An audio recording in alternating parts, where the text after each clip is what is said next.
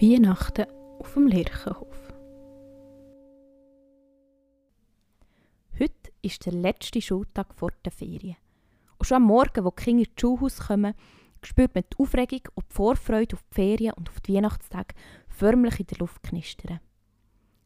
Die ersten zwei Lektionen werden in allen Klassen noch das Adventsritual durchgeführt, zusammengepackt, aufgeräumt und vielleicht sogar noch das Pult rausgeputzt, Sachen aussortiert, Weihnachtsgeschenke, die man bastelt hat, für Mama und Papa verteilt und in den Schuhsack gepackt.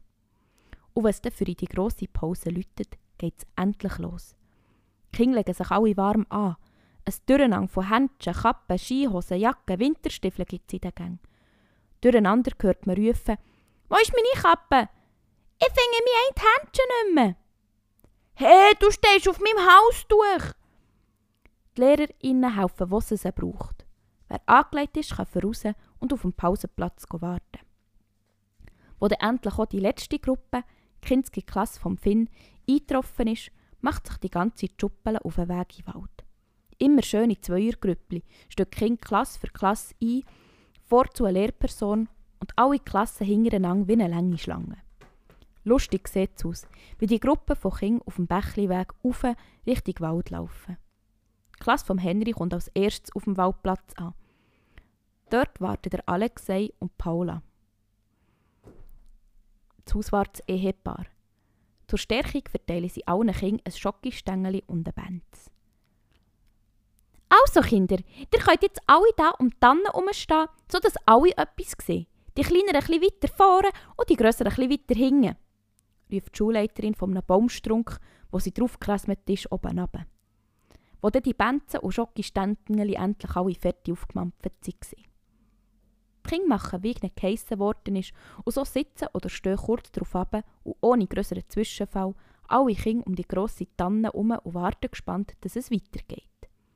Jetzt verteilen an die Naht die LehrerInnen ihren Kindern Tannenbaumschmuck, den die Kinder die letzten Tage in der Schule bastelt haben, extra für diesen Baum an der Waldweihnachten.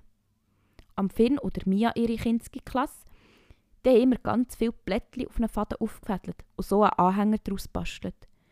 Dida und Frederik haben mit ihrer Klasse Orangen und Äpfelscheiben geschnitten und getrocknet. Anschliessend haben sie an jede Orange und Äpfelscheibe ein Schnürli dran gemacht, damit man es aufhängen kann. Der Henry und Emma haben in ihrer Klasse Haselnüsse, Kegel und Bucheckern gesammelt, überall ein Löchchen reingebohrt mit dem Handbohrer und daraus Anhänger bastelt. Jetzt darf eine Klasse um die andere führen zum Bäumli und alle dürfen einen Anhänger an die Tanne hängen. Oben zu helfen die Lehrpersonen, damit das Bäumchen schlussendlich oben noch bisschen Dekoration abbekommt.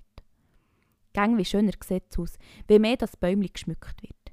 Zuletzt hängen die LehrerInnen noch Kerzchen an die Äste oder Alexei und Paula zünden mit Zündhölzli alle an. Im Schein der Kerzli stimmt Frau Hurzeler, die Musiklehrerin, «Zimmer, Stern, habe ich gern» an. Und alle Kinder helfen mit singen. Sie haben ja extra für die Waldweihnachten Lieder gelernt und geübt. Nach dem Zimmerstern singen sie noch, das ist der Stern von Bethlehem und komm, wir wollen ein Licht anzünden. Eine schöne Stimmung ist es im Bächliwald. Wo die Kerzen schon bald abgebrannt sind, löscht sie der Alexei aus. Wer will, kann jetzt zur Stärkung für einen Weg zurück in die Schule noch einen Becher Weihnachtstee holen und die Kinder können noch für einen Moment auf dem Waldplatz spielen zusammen. Und wo dann alle Kinder versorgt und wieder warm angelegt sind, machen sie sich auf dem gleichen Weg wie vorhin wieder zurück zum Schulhaus. Ich wünsche euch allen ganz schöne Weihnachten und ganz schöne Festtage. Rutscht gut und habt nicht Sorge und bleibt gesund. Ich freue mich schon darauf, euch im neuen Jahr alle wieder zu sehen, sagt die Schulleiterin noch, wo sie alle zurück sind beim Schulhaus. Jetzt holen alle noch ihre Schuhsäcke und Taschen, die sie noch müssen mit vor der Ferien. Und dann machen sich alle Kinder auf den Heimweg. Jetzt fängt die schönste Zeit vom Jahr zu Gerechtem an.